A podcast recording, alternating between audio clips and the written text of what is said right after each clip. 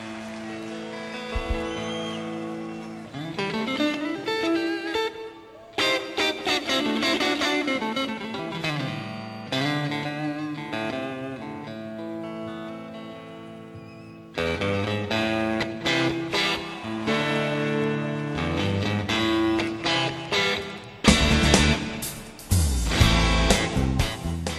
Saludos amigos, os habla Ramiro Espiño en nombre de todo el equipo. Comenzamos una nueva edición de La Trascienda en Pontevedra Viva Radio desde nuestros estudios en la calle Michelena de Pontevedra.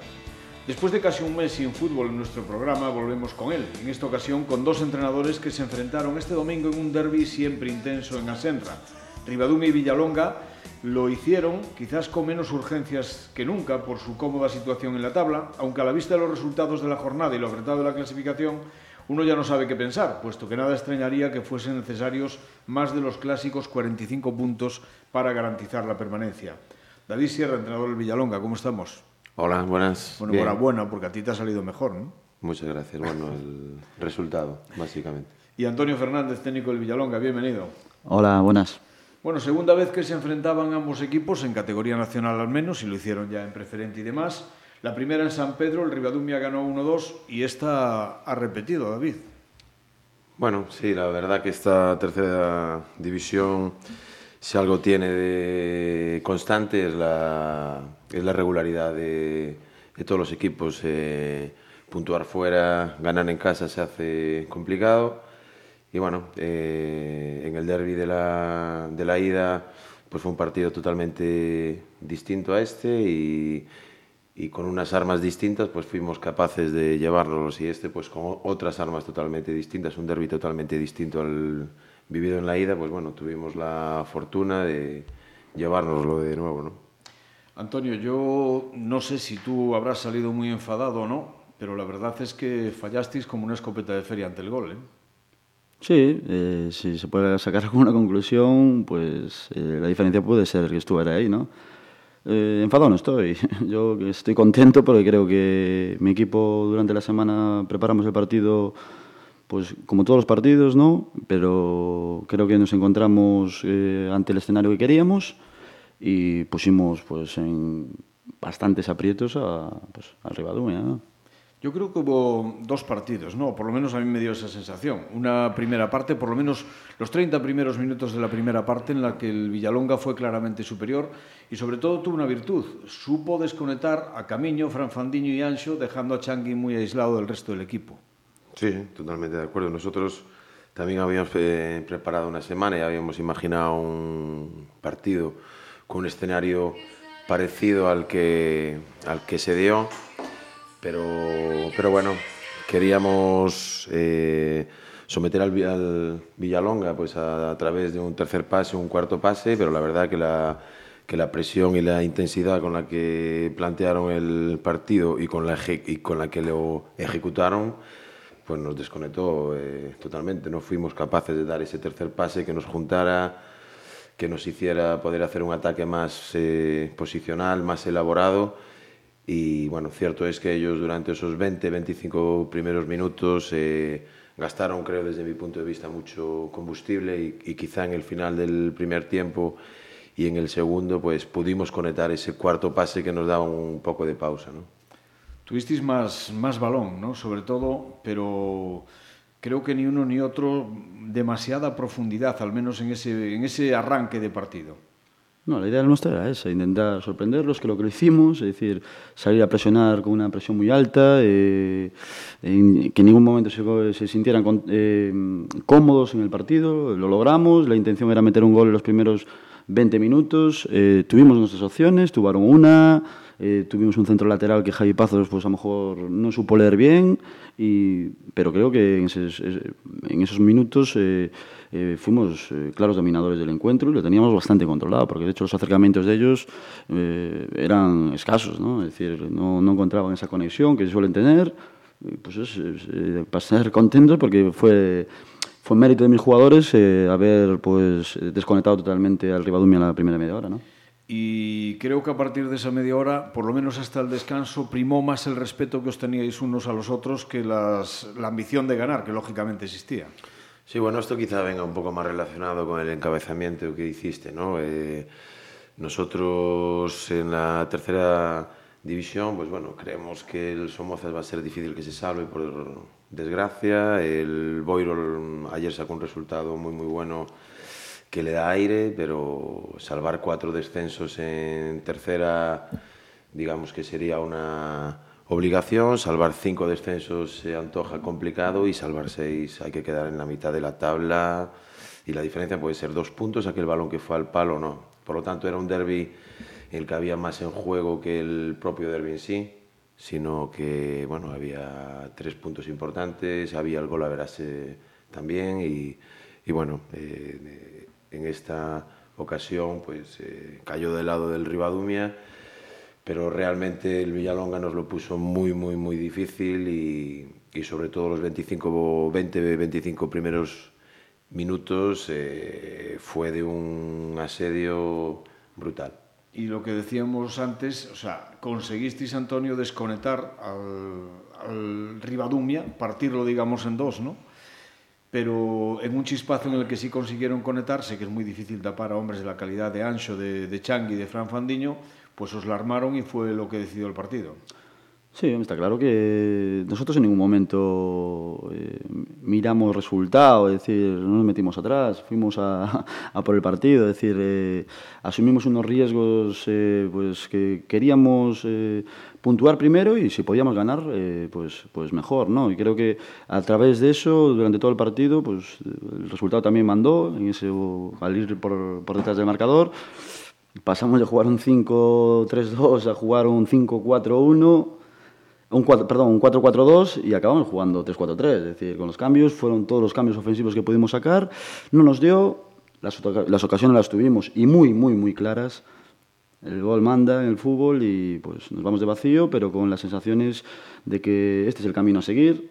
Es decir, eh, jugando así, proponiendo esto y y con esta un poquito más de acierto pues eh, tendremos más opciones de sacar puntos que de, de otras maneras ¿no? porque vaya dita de Aarón ¿eh? hasta cuatro clarísimas tuvo pero la última al borde del área pequeña incomprensible que la haya tirado fuera bueno, eh, el acierto es el que es. Eh, nosotros en ese aspecto est eh, estamos muy contentos con el trabajo que realizó durante todo el partido. Eh, después que esté acertado de cara a gol, ya, eso ya depende más de, eh, a nivel personal del futbolista, que, pero la, la predisposición que tuvo para durante todo el encuentro, el trabajo que hizo sucio de, de esa presión, eh, ese aguantar el balón cuando te, le tocaba, nah, muy contento. El resto, eh, pues sí, echas de menos eh, que las ocasiones que tuvo, que las materializase, porque sería eh, otro partido totalmente distinto, pero bueno, en ese aspecto hay que seguir y quedan 11 partidos, que van a ser 11 finales. Pasamos un tramo del campeonato creo que muy importante, muy importante. A otros equipos les va a venir ese tipo de calendario. Nosotros ahora mismo llevamos eh, un punto más que la primera vuelta a estas fechas. Equipos que estaban por delante nuestra, pues eh, ahora mismo están por detrás. Eh, tenemos que seguir, eh, no hay nada hecho y la verdad que, bueno, eh, tenemos una puntuación que por el momento nos está dando para, para estar décimos. ¿no? Y para el aficionado del Villalonga, y esto no es por dorarte la píldora, a mí me gusta el entrenador que propone cosas diferentes, que lo intenta al menos. Y Antonio lo hizo en el partido contra el Ribadumia, eh, tratando de buscar soluciones. Primero con los cambios y luego incluso con, con el, el variar el sistema también, incorporando al defensa central a la posible segunda jugada. ¿no? Sí, y nos dio. Casi, casi llega. Nos dio porque un segundo balón que se creó ahí, eh, a ver, eh, no, eh, el, partido, lo que bien hablaba y si bien hablaba David, es decir, nosotros, eh, él sabe perfectamente que, que mantener una presión tan grande como la que intentamos crearles, va a llegar un momento que el equipo va a bajar, porque es normal, es imposible mantener ese tipo de presión durante 90 minutos. Dio para lo que dio, no nos dio para, para ponernos por delante, pero después sí que, que el equipo, pues a lo mejor le costaba mucho más elaborar, eso es verdad, y tenemos que jugar con otro tipo de, de juego. Tenemos jugadores para eso, jugar un segundo balón, que nos llega, llegar un poquito más rápido al área. Es decir, uh -huh. lo conseguimos, eh, quedó algún balón muerto, pues ya ese cambio mereció la pena porque nos dio una opción de empatar el partido al final. ¿no?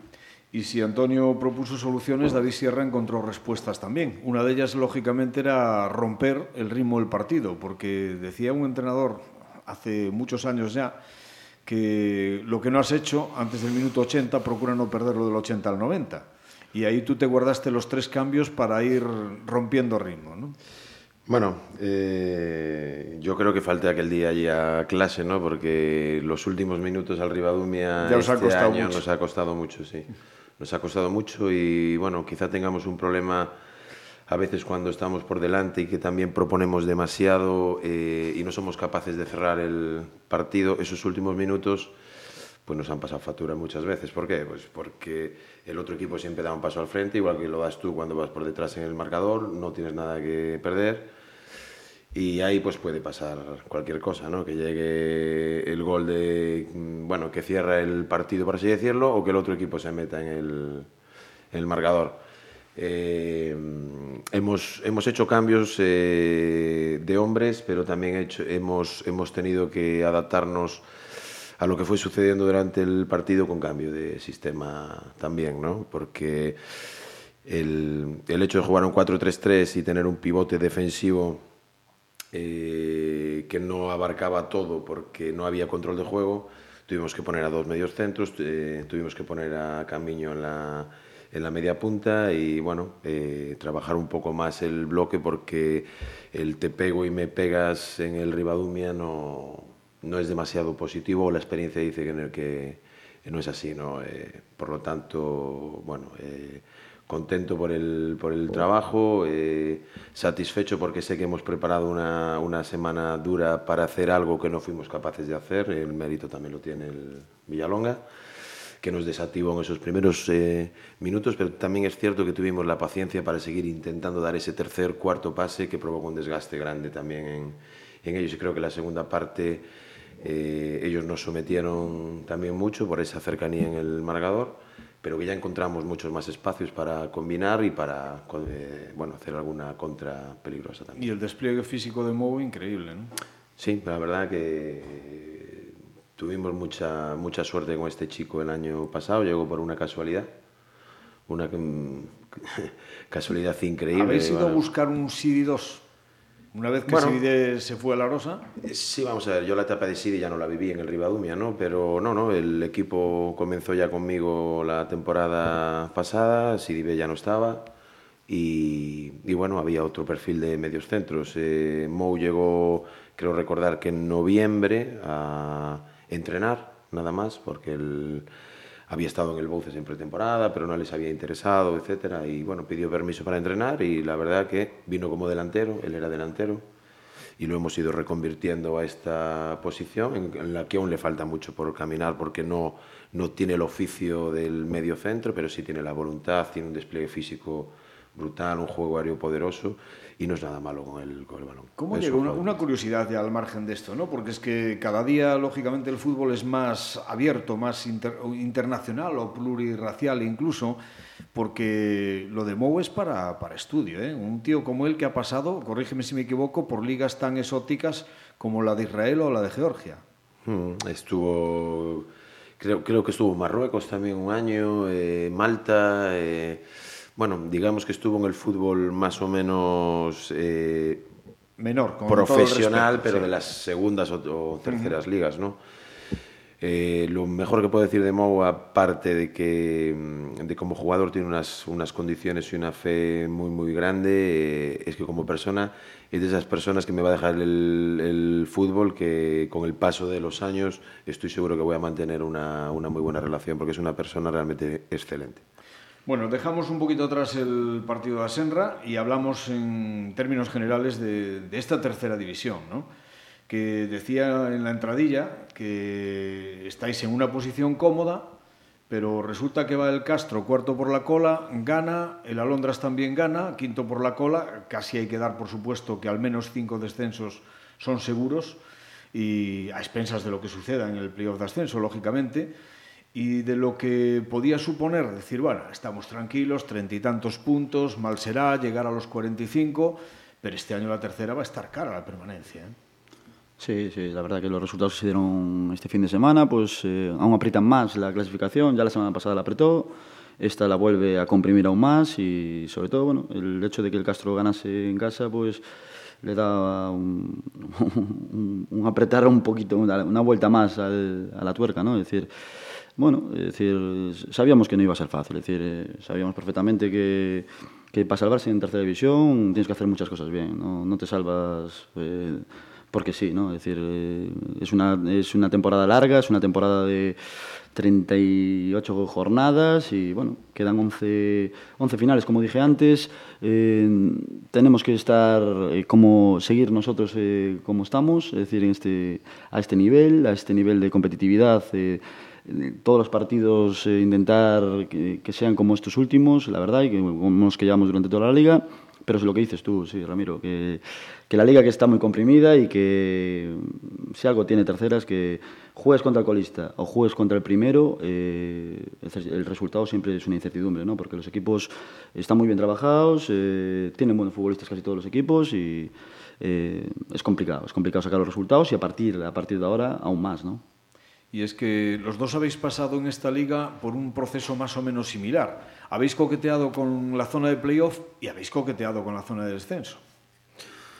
Bueno, eh, primeras jornadas y el calendario dice que, bueno, que el acierto que puedes puntuar en según qué campo pues te puede acercar a esa irrealidad, ¿no? Pero lo cierto es que yo creo que las cuatro o las seis primeras posiciones están más o menos claras y a partir de ahí se abre una segunda liga en la que todos podemos estar en casi cualquier posición, ¿vale? por encima del cuarto puesto por la cola, tercer puesto por la, por la cola, y el hecho de que seas capaz de encadenar dos o tres victorias, pues te sitúa en una supuesta posición más eh, cómoda. Por ejemplo, el Villalonga hasta ahora pues era el, el mejor de esa segunda liga, ¿no? estaba en esa uh -huh. posición y, pero bueno, todo se comprime de tal manera que creo que el verdadero problema es los arrastres y que realmente la clasificación dice que Villalonga y Ribadumia a día de hoy están por encima de equipos como el Alondras, como el Barco,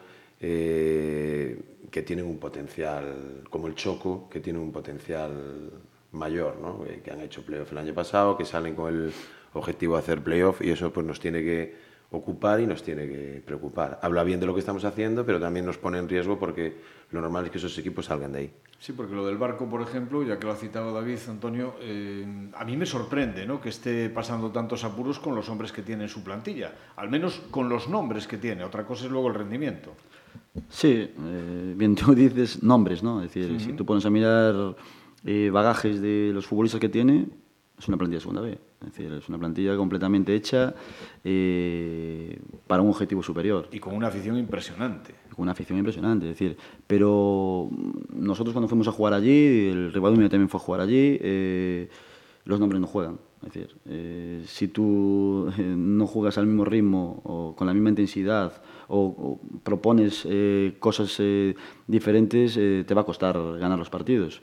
Ellos juegan a un ritmo muy pausadito, juegan a un ritmo eh, sí, de mucho toque, de mucho, tienen jugadores muy determinantes, pero que a veces con, con equipos como el nuestro, con más ilusión, eh, una colocación buena en el terreno de juego, les hemos hecho daño allí. Es decir, a mí me sorprende la clasificación de ellos, eh, porque, pero bueno, eh, no me alegra, pero están por detrás nuestra, que eso es lo importante, ¿no? Es decir, es lo importante y les está costando mucho, porque este resultado que cosecharon esta semana ante un rival directo, ese rival se les acercó mucho. Es decir, eh, eh, les está costando, les está costando mucho sacar los resultados adelante. Es un equipo eh, muy irregular y lo que marca la diferencia en esta categoría es la regularidad. Conseguir eh, resultados positivos. Eh, a lo que consiguió ahora mismo el Ribadumia, ganar tres jornadas seguidas, no es nada fácil en la categoría. Nosotros lo conseguimos en la primera vuelta y nos disparó nos disparó y a partir de ahí, pues oye, eh, nos afianzamos. Eh, sí, está claro que los equipos que están ahí abajo, bien Choco, bien Alondras, que el otro día tuve la oportunidad de ir a verlos, eh, David también estaba allí, eh, porque claro, hay un cambio de entrenador, hay que ver qué propone, siempre puede sacar alguna conclusión, balón parado, posiciones en el juego de algún futbolista, modelo de juego que quieren poner. Poco tiempo ¿no? para verlos, pero sí unas pequeñas pinceladas que te pueden sacar. Nosotros la próxima salida que tenemos y creo que nos valió algo para ver el escenario que nos podemos encontrar allí, ¿no? Sorprendente, ¿no? La llegada de Nacho al banquillo de la Londras y que le haya ganado una rosa que se jugaba muchísimo, porque de hecho La fortuna para la Rosa es que el Cerceda no ganó, si no se le hubiera puesto el playoff a seis puntos. Sí, bueno, un poco la diferencia de mm, eh, que se juega mucho solo el que el que se puede meter en playoff o el que puede subir, pero es que el, que el que está en la zona baja, que puede descender, aparte de que también se juega muchísimo, es como la sensación que tienes algo que perder. ¿no? Eh, el otro es como a mayores, es un premio, eh, gano, pero el tema de la zona baja es realmente que complicada. El, Alondras eh, salió con un objetivo claro, que era estar entre los cuatro primeros, dicho por el club, dicho desde todos los estamentos. Y la verdad que lo que decía Antonio, este, mm, esta tercera división te mete dentro, te vapulea por todos los lados, te puede ganar cualquiera, puedes ganarle a cualquiera si haces cosas bien, nadie te regala nada porque prueba de ellos es, es que el, el, el, lleva poquitos puntos, ¿no? Y, y si no haces cosas demasiado bien, tampoco tienes opción. Que se lo pregunten al Celtic, casi le complica la vida. Tuvo Correcto. que resolver y remontar en el segundo tiempo. Uh -huh. Entonces, bueno, pues el Alondras pues es el tercer técnico. En un año en que no ha habido demasiados cambios de técnico, no sé si Jacobo que dimitió en el Alondras, entró Duarte y ahora pues bueno, no sé en qué términos, pero aparece Nacho y, y bueno, es un equipo que, que en principio lo que decía Antonio, pues... Eh, tiene potencial para salir de ahí. Es que a veces los entrenadores pagáis el pato, pero yo cada vez, ahora que, que mencionas a Jacobo Montes, pensar que Jacobo pueda ser el culpable de, la, de los males del Alondras me parece realmente surrealista. ¿no? Bueno, nosotros, es que nosotros estamos en manos de los futbolistas, es decir, eh, ya cuando jugábamos sabíamos perfectamente que a veces eh, cesaba un entrenador y no era completamente la responsabilidad de él, ¿no? Es decir, en este caso nosotros somos los máximos responsables a nivel deportivo, eh, confeccionamos eh, las plantillas, somos los más responsables en ese aspecto, pero después eh, tienen que creer en ti, es decir, las plantillas tienen que creer en ti y, ahí está la clave, ¿no? Si una plantilla, pues a lo mejor tiene ciertas dudas o pues es cuando aparecen los problemas y cuando a lo mejor dinámicas que entras, dinámicas que a lo mejor de lesiones, de ciertas cosas, de ciertos detalles, que a lo mejor te pueden condicionar, porque yo seguí algo el tema de la Londras, porque lógicamente eh, tengo amistad con Jacobo, y, y, sobre lo que leía la prensa, sobre lo que escuchaba, eh, tuvieron lastre de, de ciertos jugadores con lesiones. Eso sí, también hay que decir que hice una plantilla que para mí de, de, de las más potentes de la categoría. Sí. Los nombres que maneja eh, son nombres muy importantes. Entonces, es decir, una cosa no quita la otra, ¿no? En el fútbol dos, dos, y dos no siempre son cuatro, evidentemente. Bueno, queda claro un poco, por ir terminando con este repaso a la tercera división, que hay un equipo, el Órdenes, que está prácticamente desahuciado, que hay seis equipos, o, o quizá tres para una plaza, porque los otros tres en principio parece que son inalcanzables, me refiero a Deportivo B, Bouzas y, y Villalbés, y los otros tres, evidentemente, Cerceda, Arosa y Compostela para, para esa plaza que queda en el playoff y a partir de ahí todos los demás metidos en el saco y a luchar hasta el final, creo. Sí, estoy bastante de acuerdo. Yo mmm, quizás diría que, mmm, que, los dos primeros puestos desde mi punto de vista van a ser para Depor B y Cerceda. No sé en qué orden, creo que el Depor B. Primero. ¿Pones al, al, Cerceda por delante de Buzas y Yo personalmente, eh, personalmente sí. Personalmente sí, porque tienen mucho potencial ofensivo y al final decantan muchísimos partidos. Creo que el Buzas tuvo una baja importante hace un mes, que le puede lastrar en, en, ciertos momentos, que es la del capitán, de Pablo Portas, una lesión grave. Bouzas es un equipo que las segundas vueltas normalmente no da el mismo nivel, independientemente del entrenador que tenga. Y Villalbés sí que dio un paso firme este fin de semana. Si el Compostela lo hubiera ganado allí, se le hubiera acercado demasiado, eh, hubiera sido ya comprimir demasiado. Compostela ahora se queda un poco cortado. Yo creo que Aros y Compos pueden entrar y Bouzas y Villalbés eh, podrían salir. ¿Tú estás de acuerdo, Antonio? Yo en lo de. Yo veo un Deportivo B que, si no hay ninguna novedad, eh, creo que va a ser campeón. Eh, después eh, veo a los tres, tres otros equipos eh, bastante parejos. Es decir, el, que el tercero esta semana no consiguiese ganar en Negreira, que es un campo muy complicado pues eh, frena un poco sus aspiraciones de, de, intentar ser campeón, me refiero. ¿eh? eh, que va a estar en el playoff, entiendo que sí, y después tanto Arosa como, como Compos, eh, lo que hablamos antes, no están consiguiendo una regularidad de, Esa es la clave. de resultados que les lleve a, a coger. a- cuando fallan los equipos que están por delante de ellos, ellos también suelen fallar. Entonces, es decir, el, el Compos tuvo la oportunidad de, mm, de en Villalba esta semana de pegar un golpe en la mesa y de reventar el, el escenario que se pueda encontrar un Villalbés. Hay que ver al Villalbés también ahora con la lesión de Gerardo. Sí. Es decir, no sé. Sí, porque ha sido un fin de semana en ese aspecto Sí. complicado. ¿no? Es medio equipo, entonces Gerardo es medio equipo para el Villalbés. Yo lo sufrí en la primera jornada y eh, sobre todo en su campo. El Villalbés es un equipo muy, muy, muy fuerte en su campo. Baja un poquito eh, después eh, fuera, pero en su campo es muy, muy poderoso. Es que jugar en la Madalena con las dimensiones que tiene y jugar en otros campos no es lo mismo. ¿eh? No, porque tiene una confección de plantilla que, que tiene una serie de jugadores por fuera eh, que son muy, muy determinantes. Es decir, la, la parte más, para mí, entender, no sé David si la ve así, puede ser eh, la parte defensiva, pero el bloque central. Es decir, yo ahí los veo con, sobre todo cuando se desprotegen, que, que pasan problemas. Y después también que encajan bastantes goles al final del partido. ¿no? Es curioso porque el Villalbés siempre fue un equipo que tenía fortaleza y centímetros, ¿no? Sí, bueno, eh, el hecho de buscar un... to- todos los equipos tenemos defectos, tenemos virtudes y el Villalbés una de las virtudes que tiene es el aspecto defensivo, sin duda, sin duda. Eh, precisamente porque dice Antonio, son sabedores de que cuando se desprotegen mucho esos centrales que tienen esa corpulencia, Le cuesta. le cuesta, por eso no lo hacen y por eso siempre tienen un bloque muy sólido, tienen las cosas clarísimas. Creo que es a nivel defensivo el equipo con más calidad defensiva. Eh, puedes tener el balón muchísimo tiempo contra ellos y no hacerles prácticamente ni hoy. Lo ha demostrado contra el Depor B, lo ha demostrado contra grandes eh, equipos. Pero bueno, creo que la baja de Gerardo, que es un jugador en tercera división determinante, que ni siquiera tendría por qué estar en tercera división, para ser sincero. Si él quisiera, no, pero Claro, bueno, Y el hay pero otras lo circunstancias. Sí, hay otras circunstancias, ¿no? Eh, eh, futbolistas como, como él, como Iago Beceiro, como Sergito, como, bueno, que tiene un diferencial totalmente distinto, que se ve ot- otra velocidad más. Pero bueno, están en tercera división y tenemos que sufrirlos o disfrutarlos cuando los vemos en los resúmenes, pero cuando te tocan enfrente, como dijo Antonio pues te toca sufrirlo. ¿no? Y el Arosa, que nos queda cerca, decíamos antes, hablábamos de la lesión de Gerardo y hablamos de la lesión de Monroy también. Ya es mala pata, le fichan como solución o probable solución a su falta de gol y se lesiona con fractura de clavícula y, bueno, en principio como tres meses de baja. ¿no?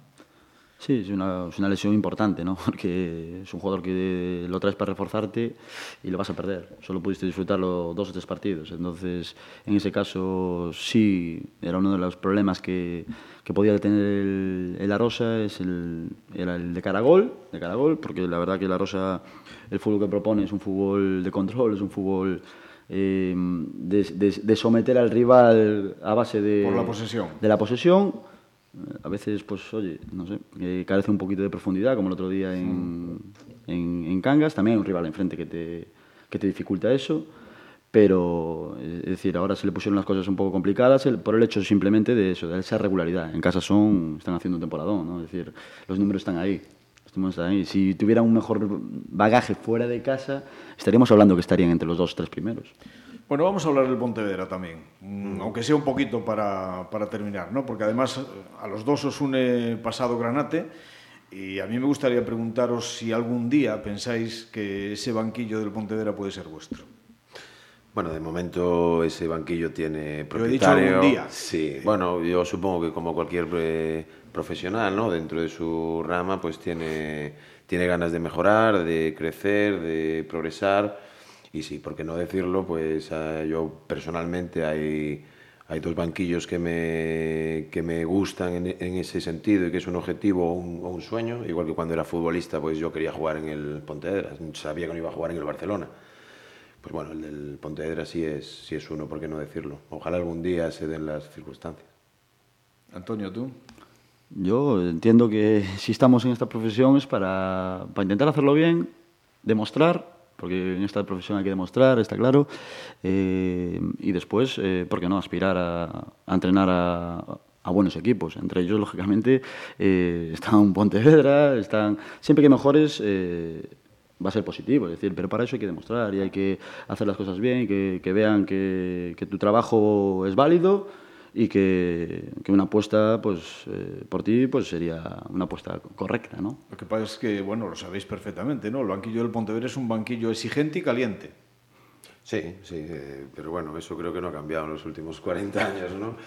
Pero sí, sí, eh, lo hemos vivido desde, desde dentro en, en varias etapas y sabemos lo que, lo que conlleva un banquillo como el del Pontevedra, igual que para el futbolista no es lo mismo jugar en Pasarón, ¿no? que lo hemos hablado muchas, uh -huh. muchas veces, que jugar en otros escenarios, pues para el, entrenador igual. Es, es importante, tanto para Antonio, para mí, para cualquiera, si algún día llega esa opción, que cuando esa opción llegue eh, te sientas verdaderamente preparado y con el control y con el bagaje eh, suficiente para, eh, para un reto en tu ciudad, ¿no? que, que es súper exigente y que y que lo que es positivo pues se podría convertir en, en algo complicado, ¿no? Pero si ese, ese sueño está ahí, debe estar ahí y si no se alcanza pues tampoco, tampoco pasa nada. ¿Y cómo veis al equipo? Porque yo sé que, aunque no tanto como la tercera, evidentemente sí que le seguís, de vez en cuando hay que desconectar de fútbol y dedicarse a otra cosa, ¿no? Pero siempre que podéis, yo ayer, por ejemplo, a David, este domingo, sí que le vi viendo el Pontevedra Burgos, eh, ¿Cómo veis un poco la temporada que está realizando y sobre todo esta racha de seis partidos sin marcar y sin ganar que se quebró frente al Burgos coincidiendo, a veces la, la mente es curiosa, ¿no? La, la, la obsesión por el gol que se cura en cuanto aparece de nuevo Mario Barco. Bueno, es decir, eh, yo, tiene, yo lo vería desde otro punto de vista, es decir, eh, no estuvieron, no metieron gol durante seis partidos, creo, uh -huh. no hubieron portería, pero siguen puestos de playoff. Entonces, es decir, esas rachas las sueles pasar durante todo un año los equipos. Ahora mismo, pues mira, ayer han conseguido una victoria súper importante, creo. Aparte, creo que pinchó el, el Valladolid y Ponferradina. Y Ponferradina. Entonces, eh, eh, tiene valor doble. Es decir, eh, recuperas el gol, ganas en casa, a todo un Burgos que llevaba una dinámica muy buena en la segunda vuelta, un equipo que se quiere salvar, un equipo histórico que creo que hubo una serie de cambios en el club a nivel institucional que ahora lleva mucha más masa social al campo, por lo visto el otro día, en el campo en el partido jugaron en casa y creo que el Pontevedra pues está haciendo las cosas muy bien, está haciendo las cosas muy bien. Venía además el Burgos de ganar creo al Celta B, ¿no? Que está sí. haciendo un año increíble. Sí, sí. Eh, Mandiola le cambió el aire claramente a este equipo, no con los mismos futbolistas, pero creo que hubo alguna incorporación que otra. Pero yo ayer pude ver un Pontevedra que, para ser sincero, pues me pareció un buen Pontevedra. Un buen Pontevedra con un plan A eh, que quizá debió dar fruto ya en el primer tiempo. Eh, y luego, pues bueno, la verdad que injustamente se le puso el partido en contra y, y Luisito reaccionó y la verdad que cuando hay un fondo de banquillo y hay voluntad de disfrutar de 20, 30 minutos, eh, como hizo ayer eh, Alex, eh, Alex, González, González pues, pues, la verdad que cambió el partido. Todo el mundo pone el foco en Mario Barco, evidentemente. Sí, yo lo decía en la rueda de prensa y lo preguntaba Luisito, ¿no? que los focos a lo mejor para Mario Barco, hombre, sí. gol, asistencia, remontada y demás, sí, pero para mí quien realmente cambió el partido fue Alex. Yo, vamos a ver, Mario Barco, estoy de, estoy de acuerdo, hace un gol, da una asistencia y aparte lo que conlleva que pise el campo ¿no? en cuanto a la confianza de, todo, el, grupo, pero creo que Alex González ayer salió esos jugadores que cambian un partido con esos chispazos, con esas eh, carreras, con esos centros, con esos desbordes y también creo que Mourinho le dio la pausa que necesitaba el partido.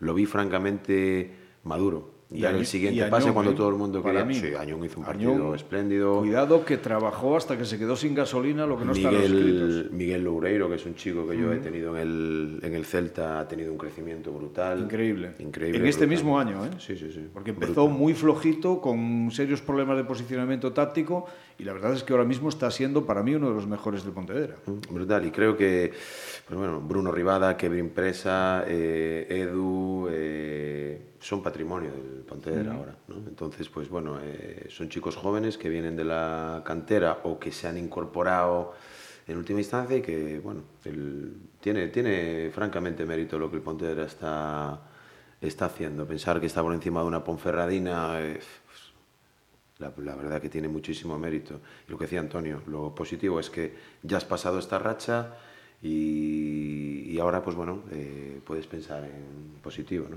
Ahora que hablamos de, esto, de este tema, también decías de la Ponferradina, a mí se me vino, no sé por qué, cuando hablamos del, del flash del dinero, a la memoria del Tudelano, ¿no? Y esa famosa historia de su pseudo entrenador que paga por entrenar. No sé si vosotros lo haríais. Primero hay que tener dinero, ¿no? Para poder hacerlo. Hombre, muy profesional no es decir eso. Tener dinero y pagar para un poco entrenar. de risa, ¿no? Sí, pero bueno. Sobre oye, todo cuando uno ya tiene 60 ya no, la, ya no es la primera vez que lo hace, creo. No, no, eh, no. El entrenador del Tudelano, porque ya estuviera en Torreviejo o Sí, por sí. ahí. y tal. Bueno, es otra parte de la anécdota del fútbol. Cuando estuviera mm, el del Racing como eh, Peterman, también, una cosa muy parecida. Es decir, bueno, si con el dinero se puede conseguir esas cosas, pues eh, bienvenidas sean para que las quiera conseguir Bueno, así, ¿no? Peterman en teoría no entrenaba, entrenaba a Chuchicos, ¿no? Bueno, No se no, sabía. es que yo no, no, no dominaba esa realidad, yo leía lo que ponía lo- la prensa o decían los medios de comunicación, ¿no?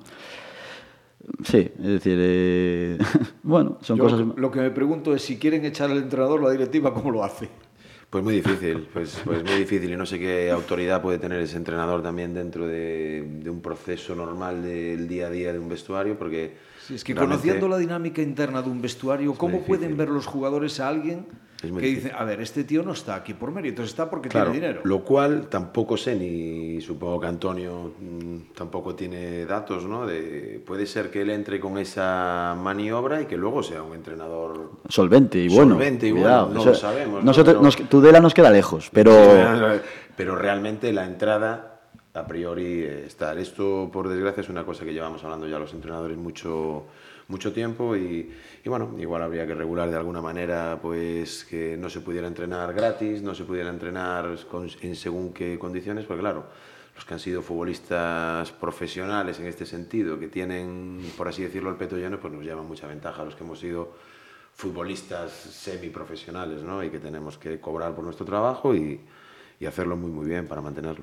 Hombre, sí que es un problema del Tudelano, evidentemente, pero yo os confieso que estoy intrigado para cuando venga el Tudelano a jugar a Pasarón por conocer al personaje, ¿no? Pero en principio, evidentemente una persona que cuando llega a 60 años en una vida profesional y antes no ha demostrado sus conocimientos, por mucho que pague una de dos, o no tiene tantos conocimientos, o, no sé.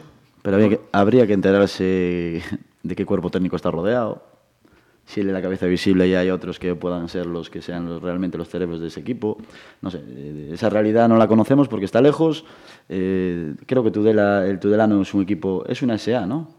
Eh, pues no lo sé. Es de los socios, sí, es de los sí, de socios. momento es de los socios. Es de los socios. Entonces esa realidad, yo creo, que por lo que ponían, les aparece una deuda ahí de... Sí, yo creo que más que nada fue Él fue, a fue de valedor, creo, fue de valedor, necesitaban ese dinero. no estaba bien el club. Y entonces, pues eh, creo que la directiva se encomendó pues, a un Mesías que apareció, que fue este señor, y bueno, malos resultados nos está sacando, la verdad, porque desde que vino él, creo que están saliendo de esa. Coqueteando con la zona media de la tabla, ¿no? Claro, es que lo bueno o malo, es que lo subjetivo del fútbol, puedes hacer las cosas muy bien y que te salgan mal, puedes hacer las cosas muy mal y que te salgan bien, no todo el tiempo, todas las veces, pero sí algunas. Entonces, ¿cómo medimos eso? Hay que bajar a la arena y verlo trabajar, es la única manera que yo puedo decir. Veremos al final, porque el Tudelano evidentemente tenía equipo para bastante más que lo que estaba haciendo al principio, ¿no? Pero bueno, ese es su problema. Vamos a ir cerrando. ¿Qué veis a este Pontevedra metido en playoff? Porque ahora que ya no se puede hablar de permanencia, Luisito no le gusta hablar de playoff, pero es evidente, 45 puntos dan la permanencia no matemática, pero sí virtual. Eh, ¿Lo veis en playoff o no? Hombre, los entrenadores siempre tenemos que ser cautos. No podemos tampoco echar las campanas al vuelo porque después eso te puede venir en tu contra. Pontevedra es una realidad, lleva mucho tiempo metido en esos puestos, puestos de privilegio, en toda una segunda B, eh, con toda una afición que tiene detrás y lo que conlleva para el Pontevedra, pues jugar un playoff, ¿no? Es decir, hay equipos por detrás, eh, sobre todo la Ponferradina, pero no está siendo muy regular, eh, que pueden complicarle un poquito las cosas.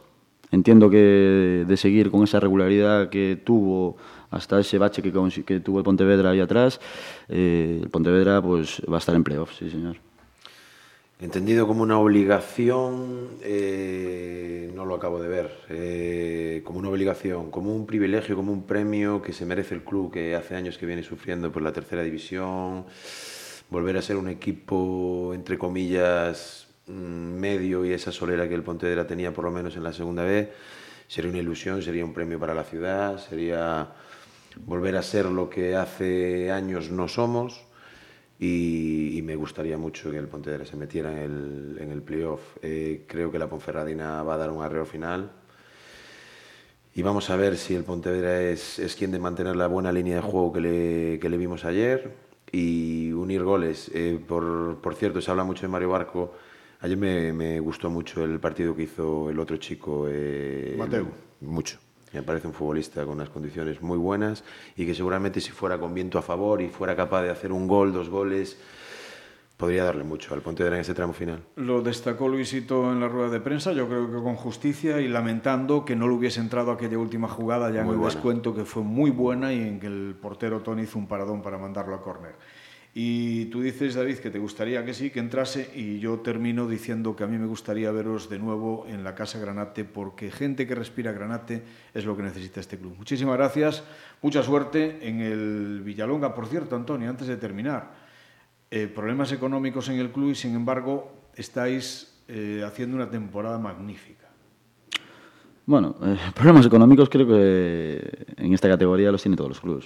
Es decir, eh, mm, no son los mejores momentos, está claro, porque pasar de competir en preferente el año pasado, este año a tercera división, eh, conlleva un gasto económico superior. Entonces, esos son, son temas que más bien que le tienes que preguntar a la directiva. Nosotros en ese aspecto lo único que podemos hacer, lo único que podemos controlar. ¿eh? Yo hablando con un entrenador que está en tercera división, a principio de temporada, pues eh, estaba un poco yo, no caído yo, pero claro, quería controlar demasiadas cosas. Ese es el aprendizaje real, ¿no? Entonces eh, me, me, dijo, tú controla realmente lo que puedes controlar y que es que tus entrenadores, que tus jugadores estén contentos, que tus jugadores trabajen. ¿eh? y que después que salgan las cosas a nivel competitivo. Eh, temas de directiva, tema de dinero, tema de tal, ahí no puedes controlarlo. Esa es una cosa que es una faceta que es de, de otros. La nuestra es ahora mismo es entrenar y que salgan las cosas lo mejor posible, poner el mejor empeño en que durante la semana hacer el mejor trabajo posible para batir al rival de esa semana. ¿no? Entonces, en ese aspecto, ya te digo, eh, problemas económicos ah, los tienen todos los equipos, nosotros somos uno de ellos, lógicamente, y hay que seguir. Lo dicho, Antonio Fernández, David Sierra, muchísima suerte, que se consiga la permanencia, que es el objetivo de los dos clubes. Estoy convencido de que va a ser así. Muchísimas gracias por acompañarnos. Muchas gracias, Ramiro. Y a todos vosotros que nos escucháis, os dejamos con nuestra habitual despedida musical. Escuchamos a Eric Bardon and the Animals, versión de su tema más conocido, interpretado en una de las varias reapariciones de esta banda británica de rock psicodélico y hard rock siempre con su líder a la cabeza, ahora ya echando mano de sus muchos recursos vocales para tapar que los años, y posiblemente algo más, han dejado huella en su antes potente tesitura vocal. Esta es la Casa del Sol Naciente, The House of the Rising Sun. Como siempre, que lo disfrutéis. Será hasta la próxima semana, que intentaremos que además, y si podemos, también mejor. Muchísimas gracias. Os esperamos.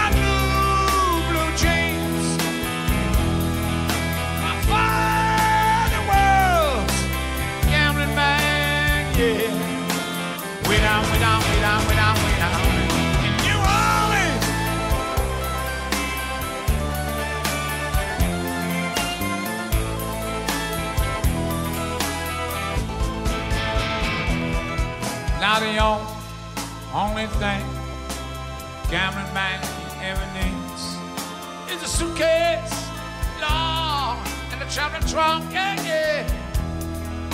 And the only time a man like him is ever satisfied is when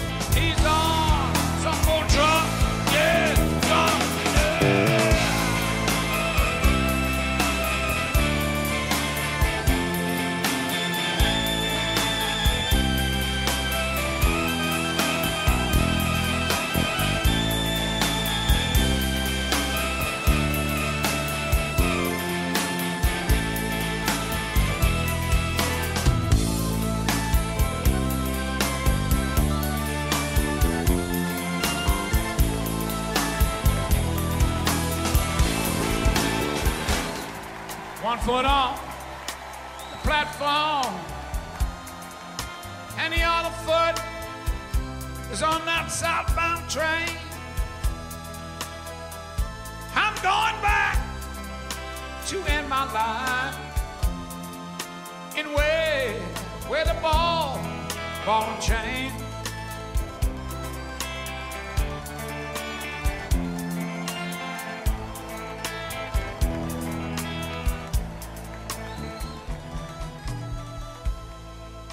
Tell, tell your baby children, tell your baby children.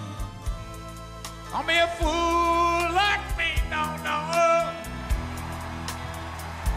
Spend your lives in a traveling rock and roll band, traveling from hotel, motel, yeah.